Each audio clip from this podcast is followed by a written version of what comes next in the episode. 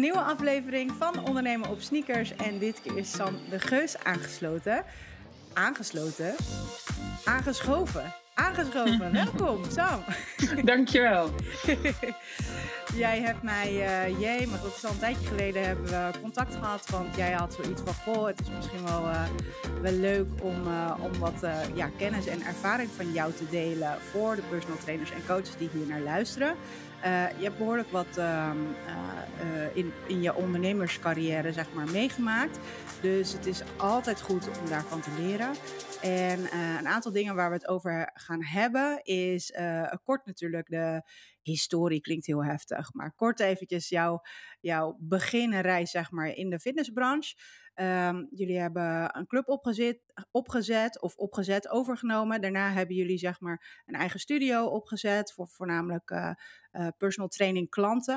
Um, en daarna is er nog weer een ander deel, een horecadeel bijgekomen. Nou ja, dat, hè, dus het hele bedrijfsconcept zeg maar, dat komt zo meteen eventjes aan bod. En waar we uh, uiteindelijk mee gaan afsluiten. En dat is voor jou als personal trainer coach gewoon echt heel waardevol. Is dat jullie gewoon echt hebben durven te kiezen voor een doelgroep.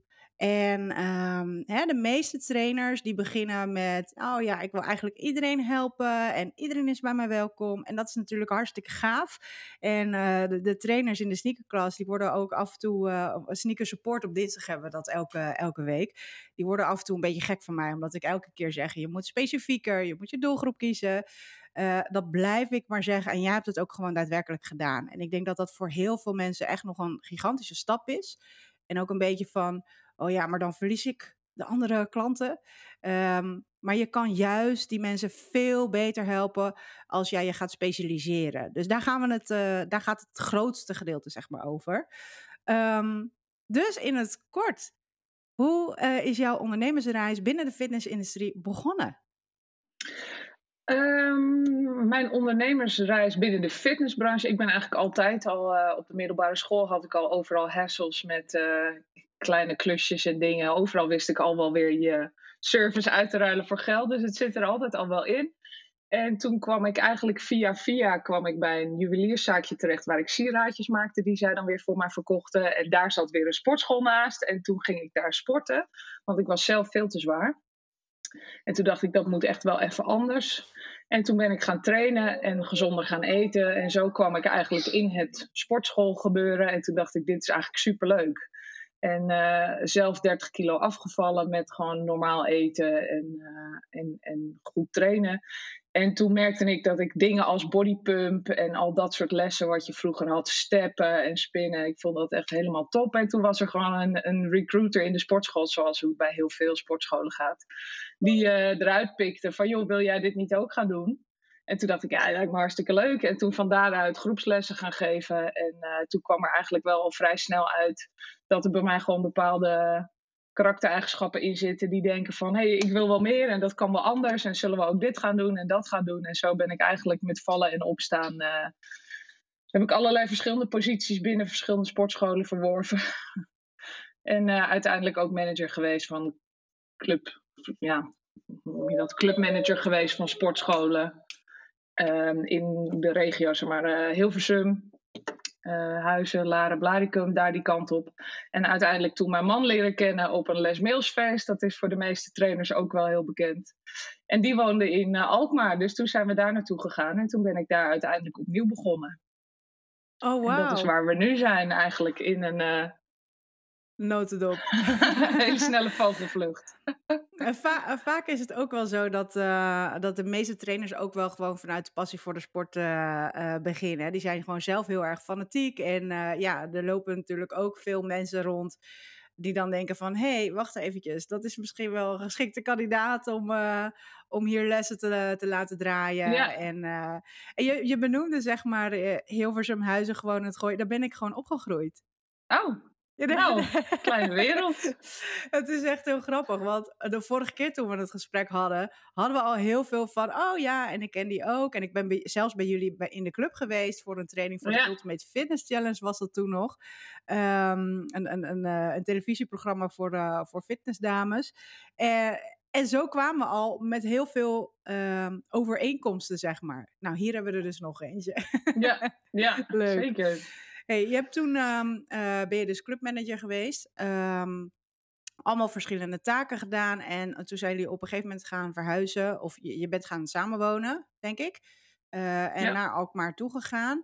Um, en hoe ging het daar? Nou, het leuke was, wat ik eigenlijk altijd wel vertel, is als je uit de Randstad komt, dan ben je wat, wat, wat gehaaster en wat gejaagder. En uh, als er een klant komt, laat je alles vallen, weet je wel.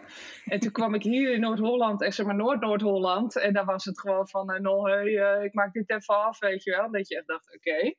En toen kwam ik dus bij, uh, bij toen nog mijn vriend op de sportschool. En toen dacht ik echt, holy shit, dit is echt gewoon terug in de tijd.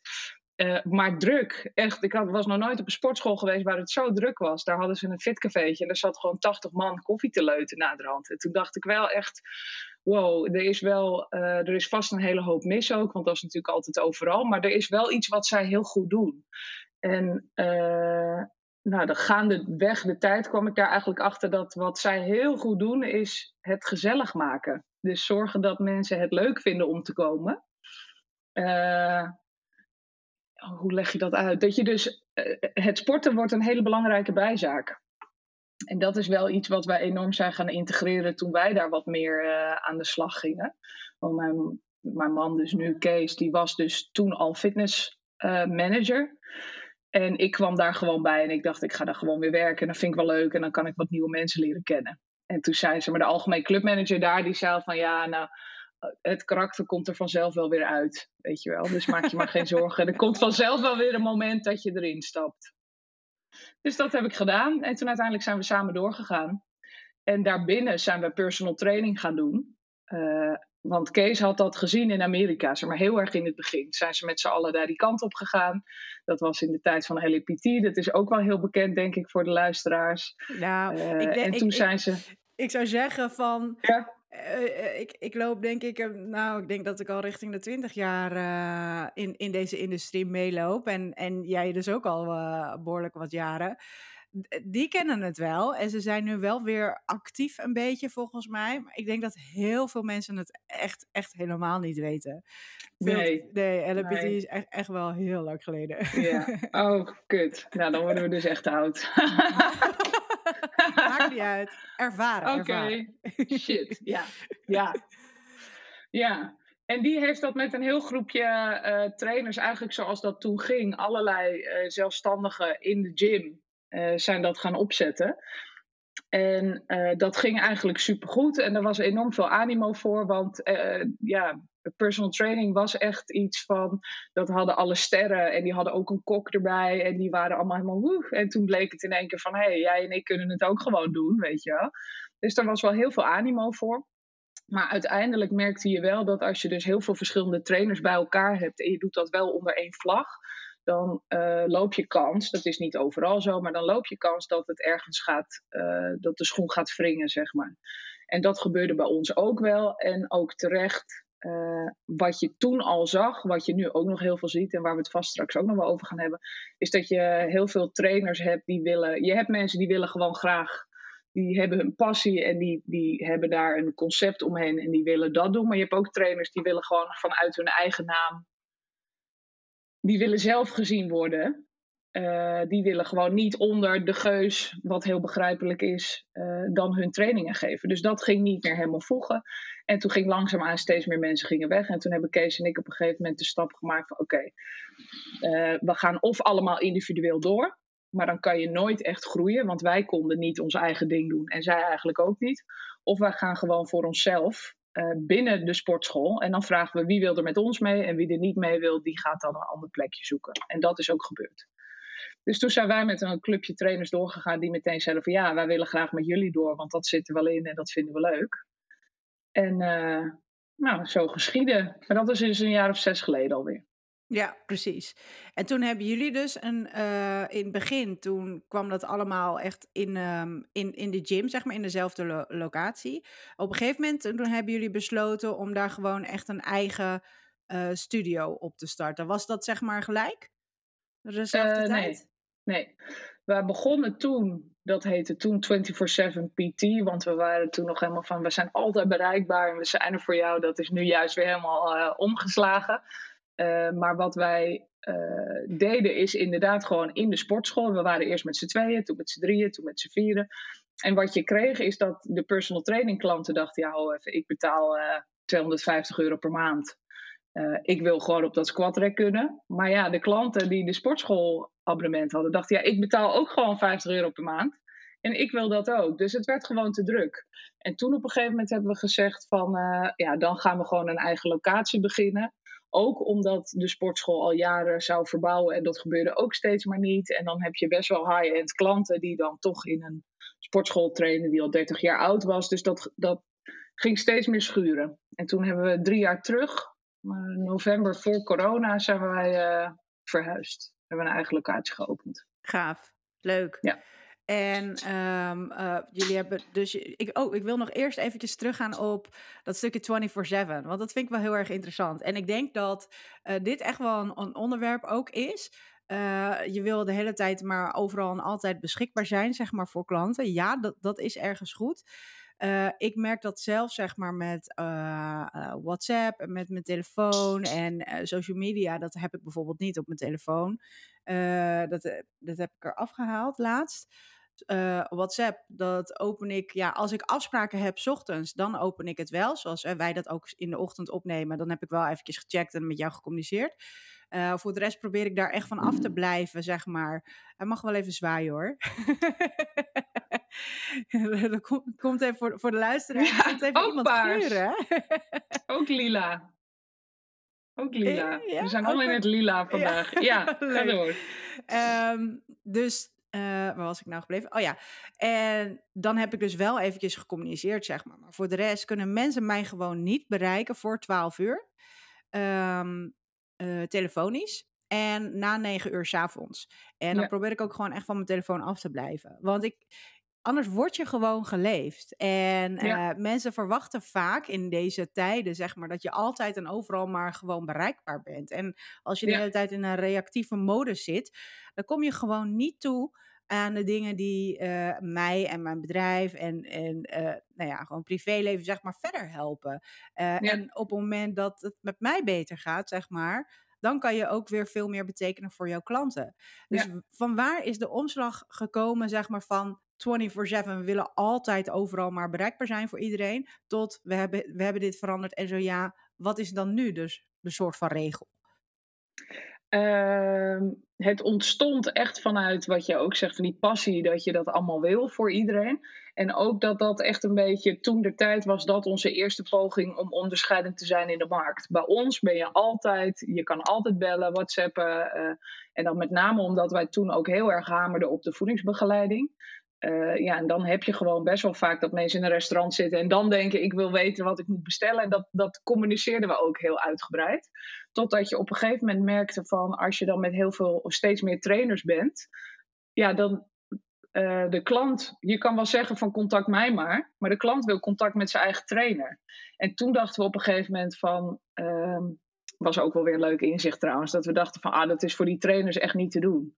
Maar voor jezelf kan het wel, weet je. Dus dat was ook wel dat we zeiden van, ja, het is voor ons eigenlijk ook niet goed, want je staat altijd aan.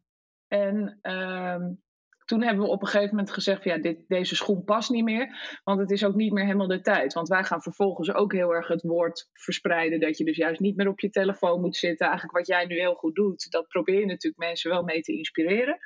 En dan vervolgens ben je zelf wel continu bereikbaar. En dat. Het verhaal matchte niet meer met de kernwaarden, laat ik het zo zeggen. En toen vonden wij uh, de naam dus ook helemaal niet meer passend, want dat sloeg natuurlijk helemaal nergens op. En vervolgens hebben we gezegd van nou, dan, we, we hebben onze naam veranderd. En dat is dus in uh, november 2019 geweest. Nee, 2020.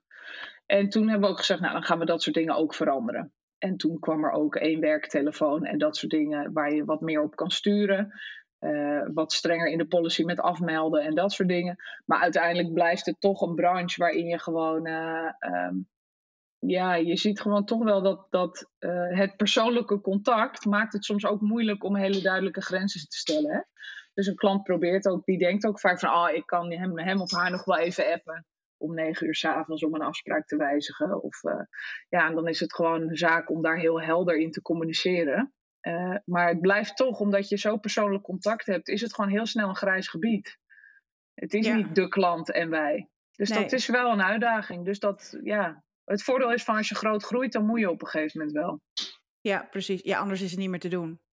Nee. ik bedoel, in je eentje is het ook niet echt heel erg handig. Maar hè, op, op het moment dat je dus uh, die grenzen niet echt aangeeft. Maar eh, eh, dan heb je een soort van alleen jezelf ermee. Ja. Uh, maar als je met een team gaat werken, wordt dat, wordt dat een heel ander verhaal. Ja. Hey, jullie zijn dus met een, een, team gaan werken. Ik ben heel erg benieuwd, hoe, hoe ziet die constructie eruit, zeg maar? Jullie werken dus met meerdere trainers. Zijn die trainers in Loni? Zijn ze ZZP? Hoe, kan ik dat voor me zien? Um, hoe je het voor je kan zien is dat wij, uh, je begint eigenlijk bij ons als stagiair eigenlijk iedereen begint bij ons als stagiair. Dat is het fijne, omdat wij een sportschool hebben en een PT-studio, kan je natuurlijk best wel goed doorgroeien. En uh, je begint dus als stagiair, vervolgens bevalt dat of niet van beide kanten en dan ga je werken. En dan ga je lekker de fitness op en dan ga je duizend knietjes behandelen en 500 schema's maken en uh, groepslessen geven. En dan uiteindelijk op een gegeven moment is eigenlijk bij iedereen wel de ambitie om personal trainer te worden, want toch is dat nog steeds wel wat we willen doorgaans. Um, en dan wordt er eigenlijk een soort kweekvijvertje gekweekt van jongens en meiden die zeggen: Ik vind dit gaaf, ik vind dit leuk. En daar gaan we een leertraject mee in. En die gaan vervolgens stage lopen en die komen bij de bestaande personal trainers. Uh, en van daaruit zit er eigenlijk nog zo'n twee jaar tussen dat je, of tweeënhalf jaar van starten als fitnessinstructeur tot personal trainer. Oh, wauw. En dan vervolgens, ja, dus dat is wel een heel traject. Wij hebben ook uh, tot nu toe één keer iemand gehad, en die werkte overigens nog steeds hoor, maar die, uh, die van buitenaf kwam. Uh, dus die meteen als personal trainer begon. Ehm, en verder hebben we allemaal, hebben ze eigenlijk allemaal, nou niet eigenlijk, hebben ze allemaal dit traject doorlopen. En dat maakt uh, een aantal dingen heel waardevol. Dat maakt voor, voor ons en ook voor hun heel waardevol dat je echt precies weet wat voor vlees je in de kuip hebt. Want je weet niet beter, je groeit er heel organisch in. Je kent de kernwaarden, weet je, dat, dat, daar hoef je niet over te praten. Of te, weet je, want je, je hebt dat gewoon gehad. Je kent heel veel klanten, je hebt heel veel ervaring. Uh, en het is een hele leuke manier om je werk heel lang heel leuk te houden. Omdat het mhm. gewoon heel veel doorgroeien is. Ja. Uh, dus dat, dat werkt op beide, van beide kanten. En dan werken ze eigenlijk allemaal op ZZP-basis. Uh, wij werken veel met sportverloning. Ah. wat je wel ziet. Ja, ja, wat je wel ziet is dat vooral in de sportschool wordt sportverloning veel gebruikt. En uh, op het moment dat mensen personal trainer worden, dan gaan ze vaak zelf wat organiseren. Want dan worden de bedragen toch wel zo hoog dat je best wel heel veel moet afdragen. En dan wordt het toch ook snel interessant om te zeggen van ja, dan kan ik het beter zelf gaan doen. En uh, uh, ja, ook nog wat andere dingetjes erbij doen. Of uh, ze geven nog een training bij een bedrijf van een ouder of een vader of een broer. Of uh, weet je, ze doen nog wat andere dingen ernaast. Uh, en dan hebben wij wel zo dat binnen de hele structuur van de bedrijven zijn de managers in dienst. En dat heeft weer te maken met dat het. Uh, wij vinden managementtaken zijn niet echt uurtje factuurtje. Want dat is, soms is dat heel veel werk en soms even niet. En ja, dat is iets anders. En bij ons hebben de trainers echt alleen uren. Maar daar hoeven ze dan ook niks voor te doen. Ja, precies. Behalve komen natuurlijk. Maar alle andere taken. Dus als je het hebt over uh, marketing, het inplannen en al dat soort dingen, zeg maar. Dus, dus dat, dat hoeven zij allemaal niet te doen? Hoe zie ik dat voor me, zeg maar? Nee, oh. dat hoeven zij allemaal niet te doen. Dus ze hoeven niks te doen. Zo in, in dat opzicht. Ja. Uh, ook de klant, dus, dus wij halen alle klanten binnen, die trainen ook gewoon bij ons, ze blijven ook bij ons. Wij leveren ook bijscholingen, uh, wij betalen alle programma's waarmee gewerkt wordt, uh, weet je, dat soort dingen. We zijn echt wel gewoon een team. Uh, het zijn niet ZZP'ers zoals het ZZP'ers zijn. Dus ze zijn gewoon echt eigenlijk allemaal alleen bij ons. En zeker allemaal voor 30 uur. En we doen gewoon heel veel met elkaar. En er wordt veel gesport ook bij ons, weet je. Dus je, je doet veel. Uh, het enige wat zij wel zelf doen is het inplannen van klanten op het moment dat ze bijvoorbeeld op vakantie gaan. Omdat voorheen was het zo dat we een manager hadden en die moest dan van, van trainer A 40 klanten gaan plaatsen. En dat was dan eigenlijk heel ingewikkeld, want die wist helemaal niet waar ze heen moesten. En nu doet de trainer dat zelf. Want die weet wel van, oh ja, uh, als ik er niet ben, dan valt Naomi eigenlijk altijd voor mij in op dinsdag. En die valt altijd. En dan kun je het eigenlijk heel snel regelen. En dan blijven er nog tien klanten over waar je wat mee moet. En dat doet de trainer. Bijvoorbeeld. Zo moet je het eigenlijk zien. Ja, ja, ja. Dus eigenlijk is alleen maar het uitbetalingsidee, dat is hierin in deze veranderd. En de taak is heel duidelijk dat uh, de personal trainer dus verantwoordelijk is voor, de, voor echt het coachen en begeleiden van de klant. En niet alles eromheen. Dat, dat doen jullie allemaal. Nee. Ja. Nee. En Je, je had het net over 30 uur, zeg maar. Elke trainer die, uh, die, die geeft gewoon 30 uur minimaal training. Of hoe kan ik dat zien? Ja, min of meer. Het, het wisselt een beetje tussen de 25 en de 34 uur. En we hebben nu dan één jongen die heeft ook echt een andere baan ernaast. Die doet het nog één dag in de week. Dus die maakt echt minder uur. Maar de meeste draaien echt wel veel uren. En wat je bij ons ook ziet is dat het heel organisch gaat van uh, veel fitness. Hè, met wat uurtjes PT. En dan dat zo langzaam aan. Uh, ja, ja, ja overgang. Dus het, is, het, het, uh, het heeft bij ons een heel natuurlijk verloop. Want het is gewoon heel moeilijk om veel klanten te krijgen. Ja. En als je, ik, ik ga hier eventjes wat dieper op in, ik ben gewoon heel erg nieuwsgierig. Um, die 30 uur, stel dat, dat het 30 uur is, zeg maar. Zijn ze dan 30 uur, geven ze dan les? Of is het, want je hebt ook zeg maar, je lesvoorbereiding en al dat soort dingen. Wordt dat zeg maar ook meegenomen als uren? Nee, dat is echt je trainingen. Ja, precies. PT die je geeft. En wij werken met hele vaste systemen. Dus wij hebben uh, heel veel uitgewerkt. En dat wordt gewoon ieder, eigenlijk ieder jaar pas je wel weer iets aan, want dan heb je wel weer iets nieuws. Je werkt heel erg met standaard periodiseringen. Ja. Dus je weet gewoon, klanten zijn zes maanden lid. Hè, die doorlopen de foundation fase. Nou, dat, dat, ook dat is waarschijnlijk geen onbekende uh, materie. En daar zitten gewoon heel veel vaste schema's in, waarbij je gewoon eigenlijk altijd wel weet van je begint altijd natuurlijk met de Big Five. En je bouwt dat zo langzaam uit. En ehm, dat is het enige inderdaad, of het enige, dat is natuurlijk nog best wel een klus. Maar dat is wat ze wel zelf moeten doen en dat zijn die schema's voorbereiden. Maar je hebt natuurlijk ook met enige regelmaat dat iemand er niet is. Hè? En als er een no-show hebt, dan heb je altijd wel even ergens een uurtje dat je denkt, ja, dan kan je dat wel gewoon doen. Ja, precies. Ehm, en zeker in de beginfase zit je soms zes weken met hetzelfde schema, weet je, dat wisselt ook een beetje. Ja, Oké, leuk om dit zo, ja. Um, ja. Uh, zo, zo te, te zien. Want ik, ik denk niet dat, of in ieder geval, ken jij clubs die dat ook op deze manier doen? Nee. Nee.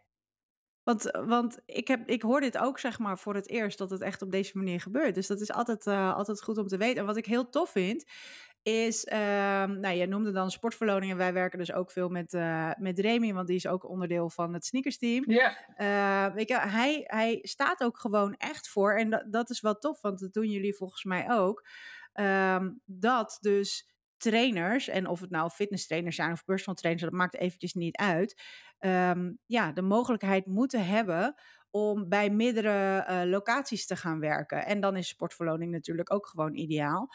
Um, en wat ik bij jou ook heel erg leuk hoorde, is dat, dat je echt een soort van carrièrepad hebt uitgestippeld. Um, waar wel aandacht voor is. En uh, dat je echt mensen zeg maar eruit pikt en van uh, ja, A tot Z eigenlijk gewoon begeleidt. mits ze die ambitie hebben.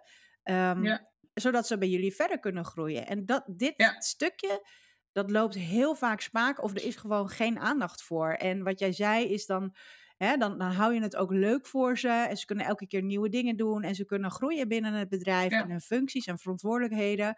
En, en dit is echt, echt een punt waar hij heel erg mee bezig is en gewoon ja, veel aan het... Uh, rondtrappen is, als het ware van jongens, word nou wakker. Want uh, weet je, uh, als we essentieel willen worden, dan is het wel belangrijk dat we ook uh, die kansen en mogelijkheden aanbieden aan die mensen. En dat ze ook ja. goed betaald worden. En nou ja, al dat soort dingen. Ja. Dus um, ja. tof. Ja, en wat wij wel, wij lopen nu wel tegen twee dingen aan, of lopen tegen twee dingen aan. Voor ons is nu personal training het eindstation. En dat is eigenlijk jammer, want we hebben gewoon een heel leuk team. Het zijn echt allemaal toffe gasten en meiden en die zitten hier al best lang. En die zijn toch nog wel jong hoor. Die zijn allemaal richting de 30. Maar dat je ook je wil ook iets verzinnen dat het leuk blijft. Dus we zijn nu ook wel uh, de afgelopen weken bezig van wat zouden we nog hierna kunnen gaan doen? Of wat kunnen we nog gaan uitbreiden? Of moet je dingen gaan verzinnen van verzinnen, maar uh, dat iedereen zijn eigen project krijgt waar mensen mee aan de gang kunnen. Of dat is nu wel een zoektocht van je wil het gewoon leuk houden. En zeker als je. Uh, kijk, er zijn, wij, wij krijgen heel vaak sollicitanten die willen personal trainer worden Of, of die zijn personal trainer en die melden zich aan. Of mensen die stage willen komen lopen bij personal training. Zeg, ik zoek een stage voor personal training, kan ik dat bij jullie doen? En wij doen dat dus niet. Omdat wij mhm. zeggen, nee, je moet gewoon die basis hebben. Maar er zijn natuurlijk heel veel mensen die daar terecht of onterecht hun neus voor ophouden. Die denken, ik ga daar niet onderaan beginnen. Maar juist die gasten die dat wel hebben gedaan, zoals bij ons, ja, die wil je eigenlijk ook wel. Daar weet je, daar zit dus blijkbaar heel veel passie en kennis en know-how. Dus wij zijn nu wel zoekende van ja, wat zou je dan nog nu daarbovenop kunnen doen? Mhm. Eh, dus dat is wel één uitdaging waar we mee bezig zijn. En waar we ook toch altijd wel de aandacht op moeten blijven houden, is dat heel vaak als mensen horen van wij werken alleen met ZZP'ers, dan heb je heel snel ontstaat er een soort stigma dat dus de, de, de trainers worden uitgeknepen. Hè? Dat die dus te weinig betaald krijgen en dat wij daar te veel aan verdienen. Mm en dat is toch ook, maar goed, ik denk dat dat ook is, want in loondiensten heb je dat ook snel, maar er is snel een gat tussen wat de ondernemer heeft en wat de trainer heeft. En ook daar zijn we dus wat meer naar aan het zoeken van, ja, kun je daar in de toekomst ook nog wat mee? Omdat, kijk, je kan elke keer wel uitleggen van eigenlijk moet een uurloon gewoon minimaal keer 2,5 om überhaupt uit te kunnen. Uh, aan marketing, huisvesting, uh, de koffie die je levert, alles wat je doet, alle marketingkosten die je kwijt bent. Wij betalen heel veel per lead. Um, dat, dat kan niet altijd, want er zit gewoon een prijselasticiteit in je regio. Uh, maar je wil natuurlijk wel ook dat je trainers door kunnen blijven groeien. Dus ook daar zijn we zoekende in van wat zouden we daar nog kunnen doen met een winstuitkering of een, een bonussysteem. Of, dus het, eh, je bent nooit uitge... Je systeem is nooit in beton gegoten. Nee, en dat, dat kwam in het um, voorgesprek ook heel duidelijk naar voren. Dat ondernemen is heel dynamisch. Ja. Dus, dus je, ben, je bent constant aan het ontwikkelen, aan het kijken, oké, waar kunnen we een beetje groeien uh, um, en ontwikkelen. En helemaal de kansen, zeg maar, voor deze trainers. Heb je het wel eens gevraagd aan ze? Van, goh, wat zou je nou eigenlijk nog verder willen? Nou, dat is wel waar we nu mee aan de gang gaan. Omdat wij daarachter kwamen van dat, dat ligt eigenlijk te laag. Maar het is ook, uh, zeg maar, de, de vraagfrequentie ligt te laag. Um, en dat, dat is echt weer volledig, vind ik, ligt dat bij de ondernemer. Dat in ons geval ben je altijd maar door aan het gaan. En alles wat goed gaat, dat geef je geen aandacht. Hè? Dus dat is waar we onze komende jaar echt wel ons thema aan gaan wijden. Van ja, wat gaat nou eigenlijk wel goed? En zorg dat dat, of wel goed, alsof niks goed gaat. Maar wat loopt nou eigenlijk gewoon lekker? En moet je niet uit het oog verliezen. Ja, ja, ja. ja snap ik. Ja. Hey, hey, tof dat jullie dit zo doen. Uh, veel kansen dus voor, uh, voor trainers die uh, bij jullie in de regio zitten en die, die willen leren, zeg maar, en die willen groeien hierin. Um, doelgroep. Jullie hebben een hele specifieke doelgroep gekozen. Vertel, hoe, hoe zijn jullie begonnen, zeg maar, met het eigenlijk niet kiezen van een doelgroep? Want hè, dat, dat doen de meesten, die gaan gewoon uh, iedereen begeleiden, uh, die persoonlijk begeleid willen worden, zeg maar. En hoe ben je dan tot de, uh, het besluit gekomen om die doelgroep te kiezen? Wij zijn begonnen, ik had wel, ik heb heel, altijd echt een enorme passie voor marketing gehad. En daar kwam altijd wel, als je dan dat leuk vindt en je gaat er ook naar kijken, dan merk je dus alle bedrijven die het goed doen, die hebben één hele duidelijke boodschap. En onze boodschap was dus, en, en daar ga je natuurlijk steeds mee stoeien. Hè? Je gaat dingen proeven en balletjes opgooien. En toen kwamen we dus bij 24-7 PT, was onze boodschap elke keer van altijd bereikbaar, et cetera. Alleen dan, uh, wat je dus merkt, is dan trek je gewoon nog steeds iedereen aan. Um, want je hebt op zich niet je doelgroep helder. Altijd bereikbaar als je uit eten gaat, is natuurlijk alweer heel anders. Um, dus toen hadden we eigenlijk een hele visvijver van diversiteit aan mensen. En toen ben ik gewoon eens gaan kijken uh, op advies van mijn businesscoach. Van ga nou eens, nee, dat is niet waar. Dat is niet waar wat ik zeg. Dat heb ik een keer ergens gelezen, denk ik. Van, ga nou eens je, je, je huidige klantenbestand analyseren. Van wat zit er nou eigenlijk in? En kun je die mensen een beetje in hokjes gaan duwen? En waar kom je dan op uit? En toen kwamen we er eigenlijk op uit dat er twee hele grote doelgroepen waren. Uh, ondernemers en even gechargeerd de vrouwen van de ondernemers. Uh, en dat waren wel twee verschillende groepen. Uh, en het ging eigenlijk altijd zo dat de vrouwen werden lid. Want die vonden uiteindelijk dat hun man dat ook moest gaan doen. En die dachten, mijn man komt niet in beweging, weet je wel. Dus ik begin en dan komt de rest vanzelf. En dat werkte eigenlijk ook altijd wel. dus dat was wel grappig. Dat we dachten, oh, ondernemers hebben dus blijkbaar een, een bepaalde drempel voor, om, om, om dit te gaan doen. En dat is denk ik wel voor heel veel ondernemers heel herkenbaar. Je doet alles voor je klanten, je kinderen, weet ik wat. Voor jezelf denk je, nou, dat kan later ook wel. Terwijl als jouw lijf gewoon niet oké is, ja, dan gaat het uiteindelijk gaat het zo. En dan helaas eerst in je privé en dan in je business. Want je business ga je lang overeind houden, want dat doe je allemaal voor anderen. Dus toen zagen we eigenlijk een soort doelgroep ontstaan dat we dachten, oh fuck, die hebben eigenlijk ook wel gewoon een probleem. Want die hadden allemaal nek-rug-schouderklachten. Want die zitten allemaal zo. En die hebben geen uh, verhoger op hun computer en die zitten de hele dag. Dus die veranderden een beetje in een stoel en die kregen best veel stress. Dus dat was echt een hele. Eigenlijk organisch merkten we van dit is een heel duidelijk probleem. En pas op het moment dat je een probleem hebt, dan heb je eigenlijk iets waar je je business omheen kan bouwen. Want je doelgroep bepalen is één. Uh, maar ja, als je zegt van uh, ik richt me op kinderen, ja oké, leuk. Maar vervolgens is er helemaal niet iets wat je gefixt wil hebben bij die kinderen. Ja, dan, dan kun je wel zeggen, ik richt me op kinderen, ik richt me op kinderen. Maar ja, waar blijkt dat uit en hoezo dan? En waarom zou ik dat doen? En alle stichtingen richten zich op kinderen, dus... Find the problem, it. solve the problem. Ja, zo moeilijk is het niet.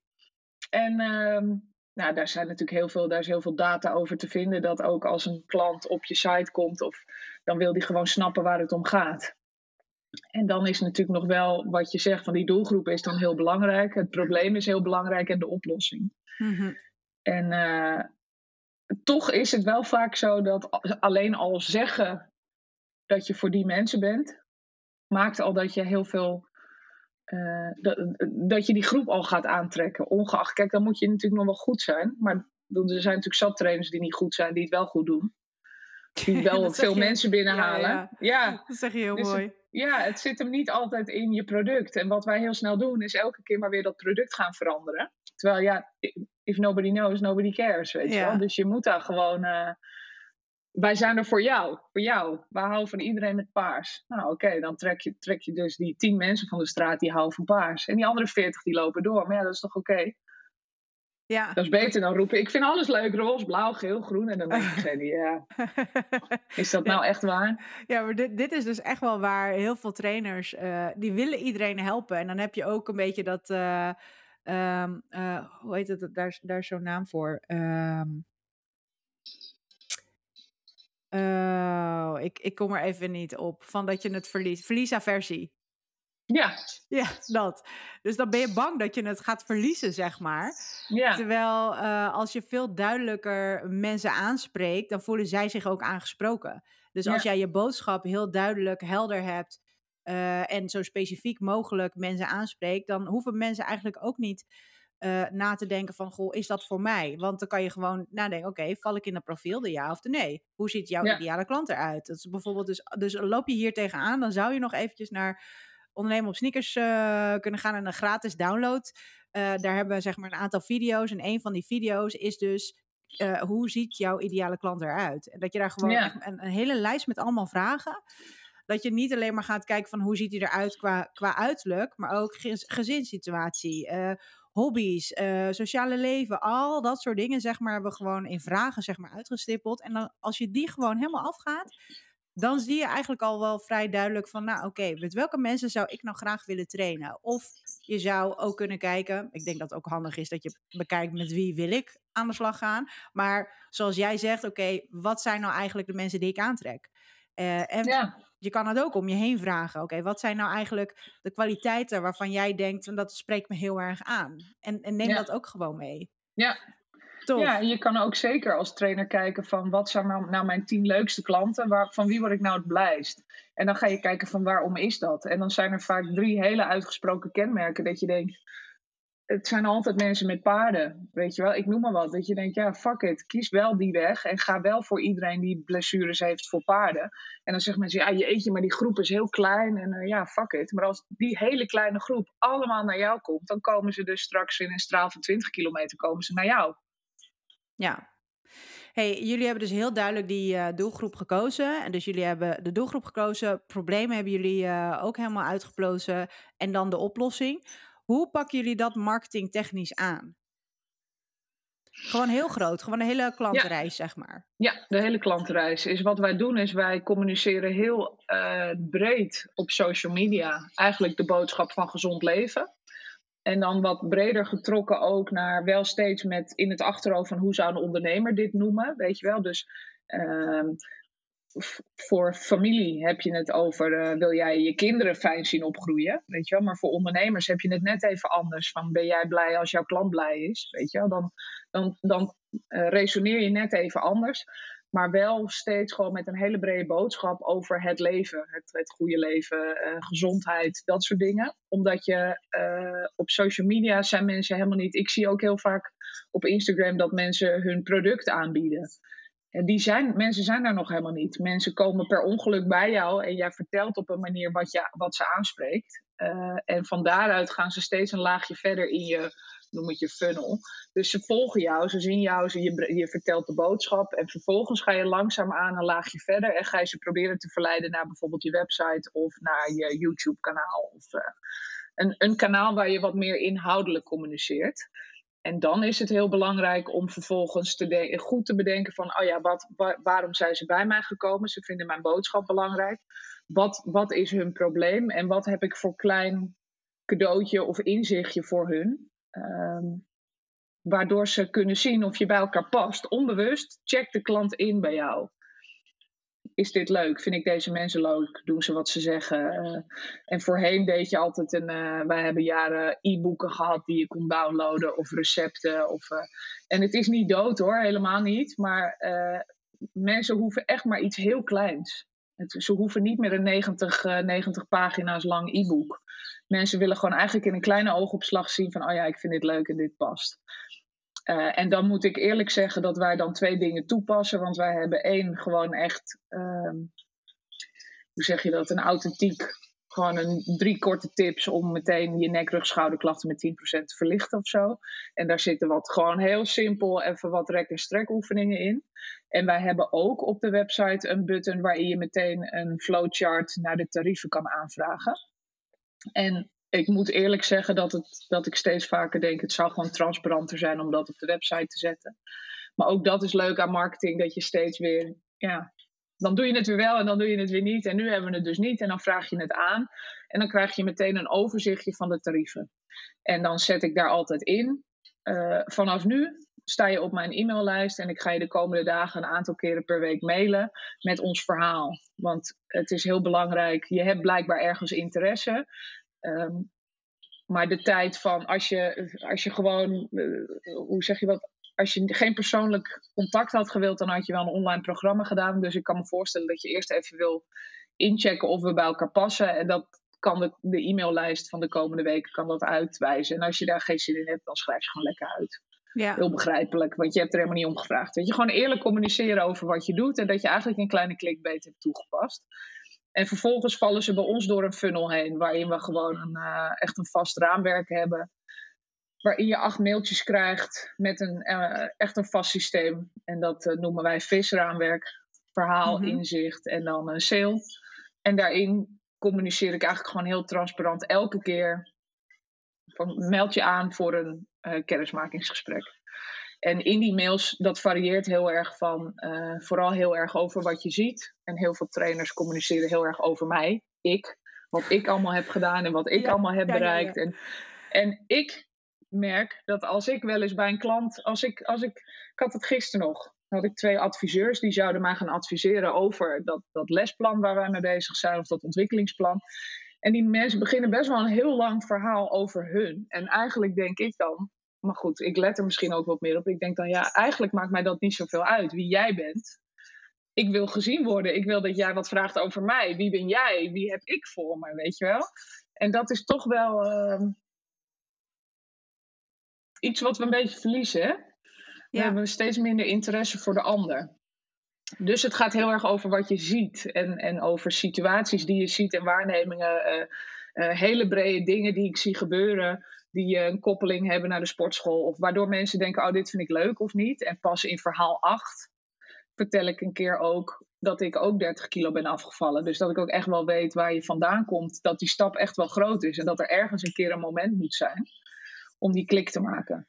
En dan ja. na een mail of acht wordt er eigenlijk gezegd van, nou, ik heb mijn best gedaan. Ik heb alles gegeven wat ik in had. En vanaf nu sta je op de algemene lijst. En ook daar doe ik iedere week een volgens het inzicht, een, een leuk inzicht mailtje. En wij hebben gewoon heel veel mensen die staan op de lijst en die zeggen ook gewoon tegen mij. Ik sta gewoon op de lijst, want ik vind het gewoon hele leuke mailtjes iedere week. En dat inspireert me. Nou, dat vind ik superleuk. En af en toe heb je er iemand uit en die denkt, ja, dit, dit verhaal resoneert met mij. Nu ga ik wel doen. Ja, tof dat je het uh, zo uitgebreid ook, ook vertelt, zeg maar. Uh, bij, bij, ons komt het ook wel veel naar voren, dit, dit soort dingen. Maar ik denk dat er heel weinig trainers dit gewoon echt helemaal op orde hebben. Zeg maar, zo'n heel, heel klantreis. Uh, ten eerste nou, die doelgroepbepaling, zeg maar. Uh, en heel belangrijk wat je noemt, en dat hebben we ook zo vaak gezegd: het gaat, het gaat niet over jou. En het is wel goed om op een gegeven moment ergens uh, bijvoorbeeld op een over ons pagina of in je mailtjes, dat je, dat je op een gegeven moment ergens wel eventjes iets vertelt wat hun zou kunnen helpen of wat hun zou kunnen. Uh, zo van, oh, uh, jij bent bijvoorbeeld ook die 30 kilo kwijtgeraakt. En uh, ik heb dat bijvoorbeeld ook gedaan met, uh, met de wedstrijden. Maar ik heb veel wedstrijden gedaan. maar toen ik wedstrijden deed, toen wilde ik absoluut niet dat mensen wisten dat ik wedstrijden deed. Want ik wilde dat zij met mij gingen trainen vanwege mijn kennis en know-how, zeg maar, als personal trainer zijnde. Ehm, maar ergens was dat goed. Aan de andere kant had ik daar best wel wat mensen wat meer over kunnen informeren. Omdat ik zeg maar begrijp hoe het is om niet in een dieet te komen en vreedbuiten te hebben. En uh, gewoon niet meer weet waar je het zoeken moet. En weet je, al dat soort dingen heb ik ook meegemaakt. Maar ik deed dat zeg maar op wedstrijdniveau. Maar mentaal maak je precies hetzelfde mee als die klant die bijvoorbeeld 30, 40 kilo of misschien 10 kilo wil afvallen. Maar ja. al, gewoon mentaal is het hetzelfde. En het is heel fijn dat mensen zich kunnen herkennen in jouw verhaal. Dus schrijf ook vooral dat op. Ja. Eh, hè, dat, dat het herkenbaar is en dat het dus met ze kan resoneren. En dat het wat meer vertrouwen ook wekken, geloofwaardigheid van oh ja, hier kan ik, hier, hier voel ik wel wat. Uh, ja, hier kan ik Ja, want het is helemaal niet, het is niet zo dat je nooit over jezelf mag praten, maar het is heel belangrijk dat je eigenlijk elke keer even incheckt van vertel ik dit om de klant te helpen, of vertel ik dit omdat ik eigenlijk gezien wil worden. En er zijn eigenlijk heel veel issues gewoon, kijk. We dwalen wel een beetje af, maar er zit in de basis bij heel veel personal trainers zit een issue vanuit de jeugd. Namelijk dat je zelf niet geholpen bent of zelf te weinig gezien bent. Waardoor je zo graag die ander wil helpen. En uh, dat is heel belangrijk om bij jezelf te detecteren. Van vertel ik dit omdat er eigenlijk bij mij toch een soort verlangen zit om. Zie, heb jij mij, zie jij mij wel hoe goed ik ben? Ja, dat, tuurlijk willen we dat allemaal. Ik wil dat ook. Alleen je moet echt loslaten van die klant komt er niet voor mij. Ik ben hier voor die klant. En mijn verhaal over inderdaad mijn vreedbui, et cetera, helpt nu deze klant verder. Ook zodat de klant weet ook als je 60 kilo weegt of 100 kilo, de issue is real, weet je wel. Dat, dat, dat kan dan een enorm goede boodschap zijn. Maar dat uh, vinden mensen soms nog wel moeilijk. En zeker op Instagram, uh, daar hebben wij het in het voorgesprek ook even over gehad. In onze tijd was dat allemaal niet adverteerde je, als je al adverteerde, adverteerde je in het lokale suffertje. En verder ging je gewoon de bietenbrug op en stond je overal met je pompoms je demootje te geven. En dat doen mensen nu niet meer. Als ik nu tegen mijn uh, fitnessinstructeur zeg, we gaan uh, iedere dinsdagavond gaan we oefenen en dan gaan we dansjes doen en dan gaan we mee op de braderie staan. Dan hoe zegt ik niet. Mij niet bellen. We doen het wel op Insta, want dan zien ze het ook. Of we doen het op TikTok. En dan denk ik, oh, wat is nou een TikTok? Maar goed, uh, dat was toen, was dat anders. En nu zie je gewoon best wel een parade van mensen die vertellen ik, ik, ik, ik. En kom bij mij, want ik ben goed. Terwijl het zou eigenlijk moeten zijn jij, jij, jij, jij. Het draait om jou. Ja, ja, en als je dat, dat uh, ik noem het niet een foefje, maar als je dat gaat snappen en gaat zien. Ken jij, ja, nou, die ken jij natuurlijk, Jos Burgers. Ja. Nou, die zit ook in ons coachingsprogramma. en daar mogen wij af en toe wat van leren. En die heeft een hele leuke sketch over. Dan moet je bij iemand op bezoek. En dan krijg je het trouwalbum onder je neus. En dat is dan zo dik. En dan moet je dan naar kijken. Hij zegt, en dan blader je er zo doorheen. En dan is er altijd één pagina. En dan blijf je wat langer bij hangen. En dan zegt hij, nou, wat, wat zou er op die ene pagina staan? En dan zegt hij, jijzelf. Daar sta jij op de foto. Dat vind je dan leuk om te zien. En dat is echt zo'n inzicht dat ik dacht, ja, dat is zo. Zo werkt dat. Je gaat duizend foto's door als je op een evenement bent geweest. En je kijkt even naar jezelf. Je, je, je zoekt naar jezelf. Je zoekt naar jezelf. ja, en dat is zo mooi als je, dus voor je, als je dus bedenkt van die klant wil dat ook. En dat is mijn werk. En dat ik ook gezien wil worden. Dat doe ik in mijn relatie en in mijn... Maar ik ben er nu voor hun. En ik zie hun echt. Ja, ja, ja. Dit, dit is sowieso gewoon heel goed om, uh, om hierin mee te nemen.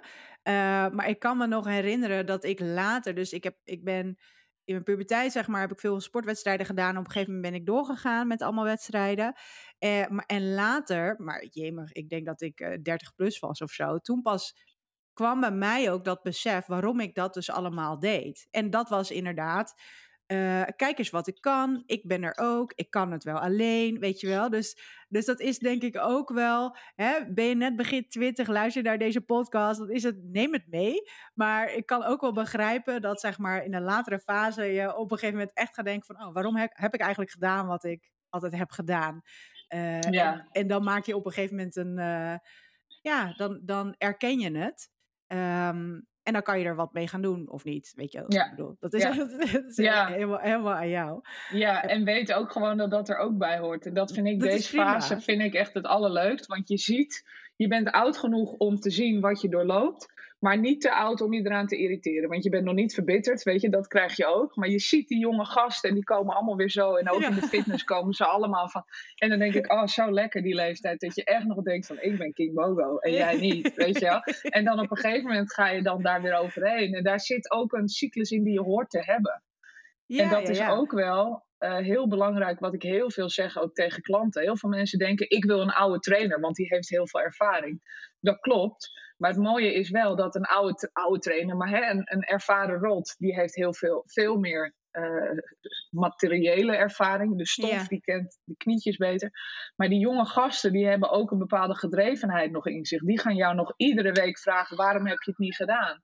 Dus stuur even je voedingsadvies naar me op. Want die leven echt nog vanuit die missie van ik ga dit wel fixen, want ik kan dit en de rest kan dit niet. En daar mag je ook gebruik van maken. En dat is wel, als je dat ook heel duidelijk communiceert aan je klanten, dan heb je ook niet zo dat probleem van, oh, ze komen nu bij iemand die bij ons net binnen is. Maar ik wil eigenlijk die trainer die er al acht jaar zit. Ik zeg, alles heeft zijn charme. Ja, ja, ja. Oh, wat leuk dat je dit zo, uh, zo zegt. Ja wat, ja, wat ik merk wel, zeg maar, want ik geef dan nog wel les. Um, uh, dus personal training, zeg maar. Dus ik heb niet de ambitie of, of nooit gehad, zeg maar, om heel veel mensen te begeleiden en te coachen en al dat soort dingen. Uh, want ik heb er genoeg andere leuke dingen die ik ook doe. Um, maar ik merk wel, zeg maar, dat. Uh, en dan ben ik eigenlijk helemaal mijn verhaal kwijt.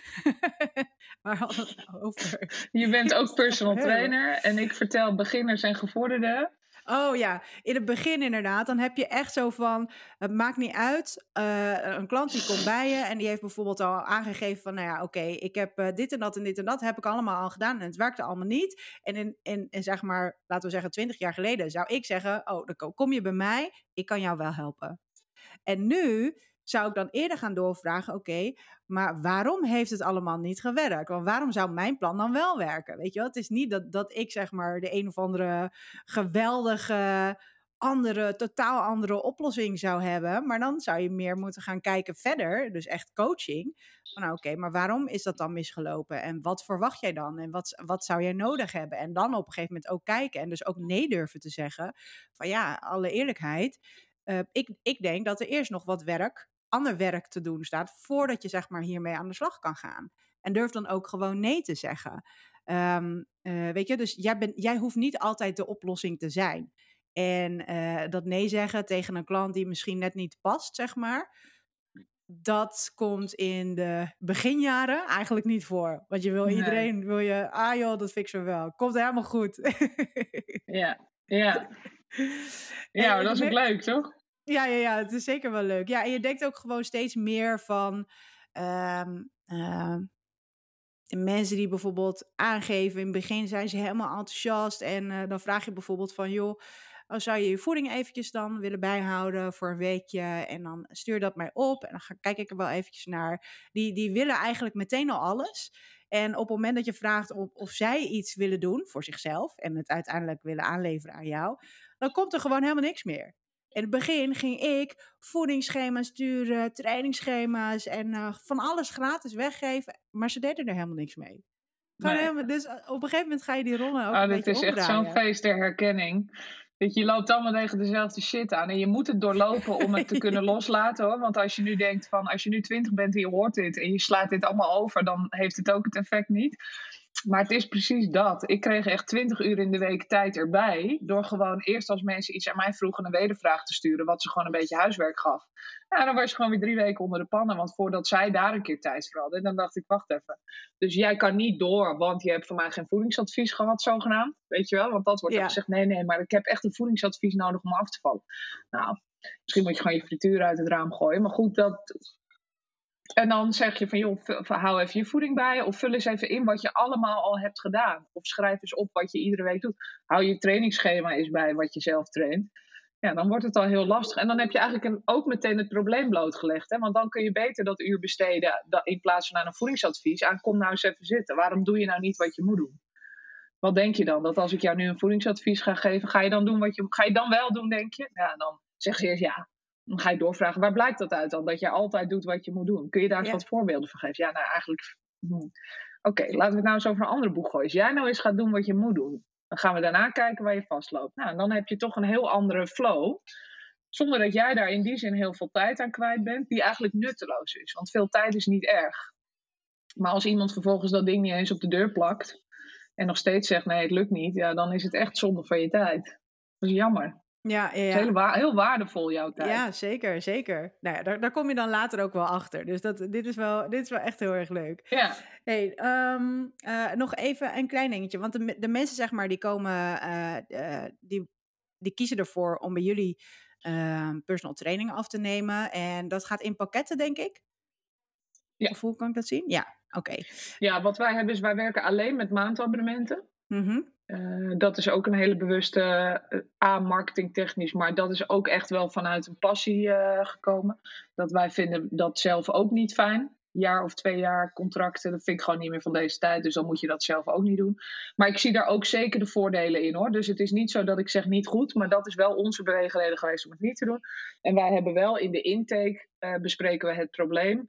En uh, bespreken we in dat je eigenlijk drie of zes maanden gewoon wel volle bak moet gaan. En dan pas na die tijd gaan bekijken wat gaan we dan doen. Uh, dus mensen gaan wel de commitment aan dat het zes maanden is. Maar in principe als iemand zegt van uh, ik wil toch stoppen, dan, dan kan dat. Ja, precies. En ruilen ze ook qua trainers? Wij proberen altijd aan te houden, wij proberen iedereen op twee keer in de week te zetten. Ehm, en dan proberen we ook inderdaad een combinatie te maken van sowieso twee trainers. Omdat je ook, uh, dat is tweeledig. Het is een zakelijke keuze om niet te veel één trainer, dat één trainer alleen die 30 mensen behandelt. Dus dat is even voor de luisteraars uh, interessant misschien. Ja. En daarnaast is het ook heel fijn voor de klanten zelf om ook te weten als trainer A er niet is, dan kan misschien trainer B wat meer invallen. Of uh, wij leggen het ook vaak zo uit, want die twee trainers kunnen ook met elkaar communiceren. Van wat gaat wel goed, wat gaat niet goed. Waar ga jij meer op letten, waar ga jij meer op letten. Bij ons is de ene helft heel goed in Mylogenics. Die hebben allemaal Mylogenics gedaan bij Overload. En een ander deel is echt heel goed in uh, met voeding daarop zitten. En weer een ander is heel flexibel. En die heeft altijd zoiets van: jij moet gewoon trainen, dus ik schuif wel wat. En wij maken er altijd, uh, en daar is onze manager dus heel goed in, een mooie mix in van ja, een dynamisch team om je te ondersteunen. En niet één trainer. Ook omdat je elkaar gewoon uitkotst op een gegeven moment. En dat is mijn ja. persoonlijke mening. Oh, wat goed. Kijk, weet je, als, als, uh, voor, ik geef dan zeg maar zelf al soms tien jaar of misschien wel langer zeg maar mensen les. En uh, ik, ik, weet nog wel dat op een gegeven moment ging ik verhuizen. En dan was het echt zo van, ja, maar je gaat toch niet stoppen bij ons? Je gaat toch niet stoppen? Weet je die, die, dat is echt, die connectie is zeg maar zo hecht. Uh, dat heeft ook nadelen. Dus ja, ja ik, ik vind het heel mooi en bijzonder. Um, maar dat heeft zeker ook wel nadelen. Helemaal als je leven er op een gegeven moment een beetje anders uit gaat zien. En ik weet nog dat ik op een gegeven moment bij, uh, bij een studio was en die, uh, die wilde gaan uitbreiden. En toen heb ik ook aan, aan hun gevraagd van, goh, hè, hoe doen jullie dat dan nu met de klanten? En hij wilde zelf zeg maar een klein stapje terug doen in het coachen en begeleiden. Um, maar een aantal klanten die wilden die wel gewoon aanhouden. Maar de andere trainers die hadden gewoon allemaal hun eigen klantenbestand. En toen zei ik, nou, als we dat nou eventjes gaan omgooien, nou, dat was gewoon, gewoon error. Nee, want dat kon niet. Want de mensen die waren zo, zo gehecht. Ik zeg, ja, maar als jij wil gaan groeien, zoals jij nu aangeeft, zodat je, dat je wil groeien, dat kun je alleen maar doen op het moment dat je ervoor zorgt dat de klanten, zeg maar, uh, ook met andere trainers gaan trainen. En niet alleen afhankelijk zijn van bepaalde poppetjes. Dus weet je, je eigenlijk heb je nu in plaats van dat je alleen zelf les geeft en allemaal andere poppetjes geven ook allemaal zelf les, um, ga jij niet groeien in business. Want het, het, zijn nog, het is allemaal ZZP-werk. Het is allemaal één op één training en that's it. Dus, dus echt uh, groeien van business, dat zat er dan gewoon niet in. Dat, daar ben je heel erg afhankelijk van. En als je vanaf het begin af aan de mensen zoals jullie heel goed doen, um, uh, leert of leert, laat roleren, zeg maar, met de trainers met wie ze werken. En ieder heeft zijn specialiteiten en daar ook gewoon de kracht uit laat zien en laat ervaren. Ja, dan wordt het een heel ander verhaal en dan kan je gaan opschalen. Ja. Gaaf. Ja, Tof. precies. Ja, tof dat jullie dit zo doen. We hebben echt alles helemaal uh, uitgeplozen. En, uh... oh, laatste vraagje nog. Cold calling. Of nee, niet echt cold, zeg maar. Als mensen ervoor hebben gekozen. We gaan even terug naar die funnel. Uh, marketingdingen doen we altijd goed in deze podcast. Als mensen ah. zeg maar um, um, er niet voor hebben gekozen om op een kennismakinggesprek te klikken. Bel jij ze zelf dan op? Nee. Waarom? Dat heeft bij ons een hele bewuste reden. Um, dat wij merkten dat het. Ik moet twee dingen vertellen. Op het moment dat wij onze uh, conversie gaat drastisch omlaag op het moment dat je telefoonnummer erbij zet. Dat is denk ik bekend voor iedereen die zijn marketing ook wat test. Um, hoeft niet verkeerd te zijn, want 30 mensen die echt geïnteresseerd zijn, is, heb ik liever dan 60 mensen die half geïnteresseerd zijn. Dus in dat opzicht hoeft dat niet verkeerd te zijn. Maar wij zijn gewoon A en B gaan testen en wij merkten dat uh, mijn, mijn uh, e-maillijst, dat, dat op een leuke manier, dat moet bij je passen, maar op een leuke manier communiceren. Uh, werkt heel motiverend voor mensen om toch die, die, die stap te nemen. En we zijn gewoon gaan kijken, als je dus telefoonnummers toevoegt en niet, en dan gewoon kijkt van vervolgens hetzelfde proces laat doorlopen, uh, dan kwam je aan de ene kant kwam je evenveel mensen die converteerden als aan de andere kant. Dus dat was op zich niet een reden om het niet om het te doen. En toen vervolgens zijn we natuurlijk ook gaan testen van wat nou als je dus die mensen wel gaat bellen, haal je daar dan vervolgens ook nog heel veel mensen uit. En wat wij merken is dat, maar dat is wel ook iets landelijks wat ik zie, is mensen worden bijna een beetje mensenschuw. En mensen nemen gewoon niet meer op en willen niet gebeld worden. Er staat nu ook heel vaak heel expliciet bij ons als mensen een aanvraag doen voor een kennismaking, mij niet bellen. Ja. Niet bellen, graag per mail contact. Mensen zijn helemaal, als nu, je telefoon. Mensen zitten met dat ding in hun handen en die typen naar mij: Ik kan u niet bellen. Want ik zit zogenaamd in een meeting. Doe het maar even via WhatsApp. Die doen alles veel liever via WhatsApp. Ja. Dus dat is wel een beweegreden. Uh, wij weten dat bellen werkt in principe beter. Dus bijvoorbeeld in onze sportschool doen we eigenlijk altijd als mensen een aanvraag doen, meteen even bellen. Want dan kun je ze meteen inplannen. En, uh, maar wij merken bij personal training dat mensen daar dus niet op zitten te wachten. Hoe is jouw ervaring daarin? Is jouw boodschap uh, wel bellen? Nee, ik bel dan voor lifestyle coaches, uh, omdat ik daar werkzaam voor ben. En, en dan bel ik personal trainers, dus ik bel geen klanten. Uh, en als mensen bij mij komen, ja, ik heb eigenlijk nooit echt uh, heel erg uitgebreid promotie gemaakt voor, voor personal training klanten. Die zijn altijd via via gekomen. En op het moment dat ik hoor, zeg maar, dat mensen bepaalde interesse hebben, dan geef ik ook gewoon aan van, goh, um, je kan eventjes vragen of ik ze mag bellen, eh, of jij telefoonnummer mag doorgeven. Dan zorg ik wel dat ik de touwtjes in handen neem en dat ik zeg maar die mensen ga bellen. Want uh, ik weet wel dat op het moment dat mijn nummer dan wordt doorgegeven, ja, weet je, de kans dat er dan wordt gebeld, dat, daar kan weer maanden overheen gaan. Dus ik probeer wel zeg maar de touwtjes dan in handen te nemen, maar echt cold calling voor PT-klanten heb ik nooit gedaan. Um, Maar ook niet echt met, uh, met mailinglijsten en zo. Want ja, ik heb, ik heb vrij snel heb ik gewoon al een aantal klanten gehad waarvan ik, waar, daar was ik ook content mee. En ik heb altijd andere activiteiten ernaast gedaan met de evenementen en de sales en al dat soort dingen. Dus ja. Uh, dus, dus het is natuurlijk altijd heel afhankelijk van wat je, wat je situatie is en wat je wil. En ja. als je dat niet hoeft, is dat natuurlijk wel een hele fijne situatie. Um, en inderdaad, een klant, uh, als, jij, als jouw kaartje wordt doorgegeven aan een klant, is de, is de kans 0% dat ze je bellen. of 1%, weet je wel. Maar op het moment dat jij een telefoonnummer krijgt van die klant, het is eigenlijk dezelfde handeling. Je wisselt een telefoonnummer en vervolgens komt daar wel een sale uit of niet een sale uit. En dat leg ik wel vaak uit aan mensen. Uh, de, uh, op het moment dat mensen wel willen, dan willen ze vaak niet om een reden. En vaak is dat een financiële reden. En dat neem je pas weg op het moment dat je bij ze aan tafel zit of mensen hebt getraind en dat ze ervaren van ja, ik wil dit gewoon. Ja. En ik vind dat het geld waard. En die, die, daar moet je, die shame moet je voorbij om gewoon te denken, ja, ik ben gewoon iets meer persuasive en ik ga hem bellen en zeggen, kom gewoon eens een maandje trainen, dan kan je het ervaren. Uh, om, om die drempel weg te nemen. En ik heb het zelf ook. Ik zei het laatst nog, mijn vriendin heeft een kledingwinkel. En die heeft hele mooie dure items. En ook wat betaalbaardere items. En dan denk ik, oh, ik weet dat als ik dat jurkje pas, dan ga ik voor de bijl, weet je wel. Maar die ga ik niet passen. Ik ga voor dat ene jurkje, want ik moet wel iets nieuws hebben. Nou, we weten allemaal, wij vrouwen en mannen ook, weten hoe het eindigt. Je gaat met een dure jurkje de deur uit. je moet iets hebben om ze een beetje naar je toe te krijgen. Ja, ja, ja. Uh, en daar, dat is toch gewoon business draaien. En dan hoef je echt niet uh, gedoe te hebben over dat je dan niet authentiek bent. Of uh, ja, uiteindelijk wil iedereen, ik doe iets heel goed en jij betaalt mij daarvoor. Klaar. Ja, precies. Ja, weet ook wat je waard bent, hè? Ja. En, en ga daar ook gewoon voor staan. En uh, ja, weet je, er zijn dan ook weer een beetje ja, ga je wel of niet de prijzen bijvoorbeeld delen? Jullie hebben dan die flowchart, maar je hebt dan wel vervolgens die mensen op je mailinglijst. Dus je hebt wel een lijntje, zeg maar al. Als je het gewoon direct op je website zet, dan gaan mensen ook een keuze maken uh, gebaseerd op een prijs.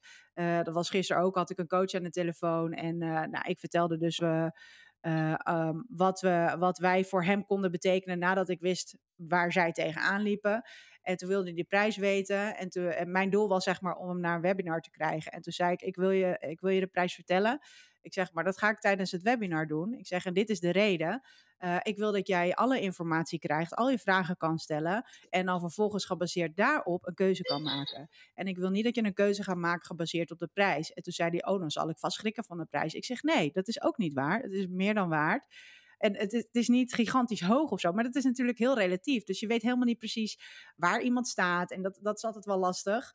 Um, maar in, in, in mijn geval, zeg maar, uh, als het zeg maar via mijn PT-klanten komt, dan zullen mensen zeg maar ook nooit. Het zijn altijd wel een beetje dezelfde type mensen. Dus mijn tarief ligt gewoon een stukje hoger uh, dan gemiddeld. Dat kan ik wel zeggen. Maar, dat past ook gewoon bij hetgeen wat ik aanbied. Als mensen via die klanten komen, dan weet ik ook dat dat uh, waarschijnlijk wel gewoon in het budget past. Um, want het zijn een beetje dezelfde type mensen. En uh, ja, durf daar zeg maar dan wel een beetje de regie in te pakken en inderdaad gewoon iets weg te geven. Um, zodat mensen zeg maar dan op, gebaseerd op uh, de match, het gevoel, uh, wat jij voor ze kan betekenen, daar ook gewoon een keuze uit kunnen maken. Dus wees ja. daar gewoon, gewoon creatief in. Ik heb zelfs één keertje uh, toen hoorde ik vaak van een klant: Oh ja, mijn buurman die van, van daar en daar. En die, had geen, die hadden geen telefoonnummer. En wat ik vroeg van, goh, heb je telefoonnummer? Of welk nummer is dat dan? Dus op een gegeven moment gingen er een paar weken voorbij. En toen dacht ik, weet je wat ik doe? Ik had gewoon een visitekaartje in mijn auto liggen. Ik heb daar tekst op geschreven van, uh, ik heb begrepen dat jullie interesse hebben. Uh, je mag me bellen. En die heb ik gewoon door de brievenbus gegooid, omdat ze niet thuis waren. En denk ik, maar dan heb ik toch even een extra setje. En een paar weken later belde die me op en hebben we een afspraak gemaakt. En die, die al een dikke jaar. Dus weet je, zo, je, moet wel een beetje durven, zeg maar. Dat ja. komt je niet gewoon zomaar maar aanvliegen. Nee, en je moet fucking hard werken voor je lead. Ja. Zeker als je gewoon veel wil. Kijk, als jij 15 uur PT draait, en dat zien wij ook wel heel vaak, is dat mensen heel snel denken: ja, dit kan ik ook wel zelf. En dan heel snel die eerste zes of zeven of acht klantjes hebben, want dat is de vriendin van je moeder en daar weer de vriendin van en de buurvrouw. En, maar maak dan maar eens die conversie naar 30 uur en ook steady. En dan ook nog tijd over hebben voor je marketing en dat je leven nog leuk vinden, want je bent dan gewoon zomaar 50 uur onder de pannen. En dan vervolgens, als je op vakantie bent, heb je gezeik, weet je, dat. Ja. En dan die, die transactie maken naar dat je dat gaat uitbouwen, is gewoon heel moeilijk. En dat kost gewoon heel veel tijd. En dat moet je echt niet onderschatten. En heel veel mensen denken, ja, dan ga ik zeggen hoe goed ik ben en dan komt de rest vanzelf. Ja, dat gebeurt dus niet. Nee, nee, nee. Daar hebben mensen geen zin in. Nee, nee, nee.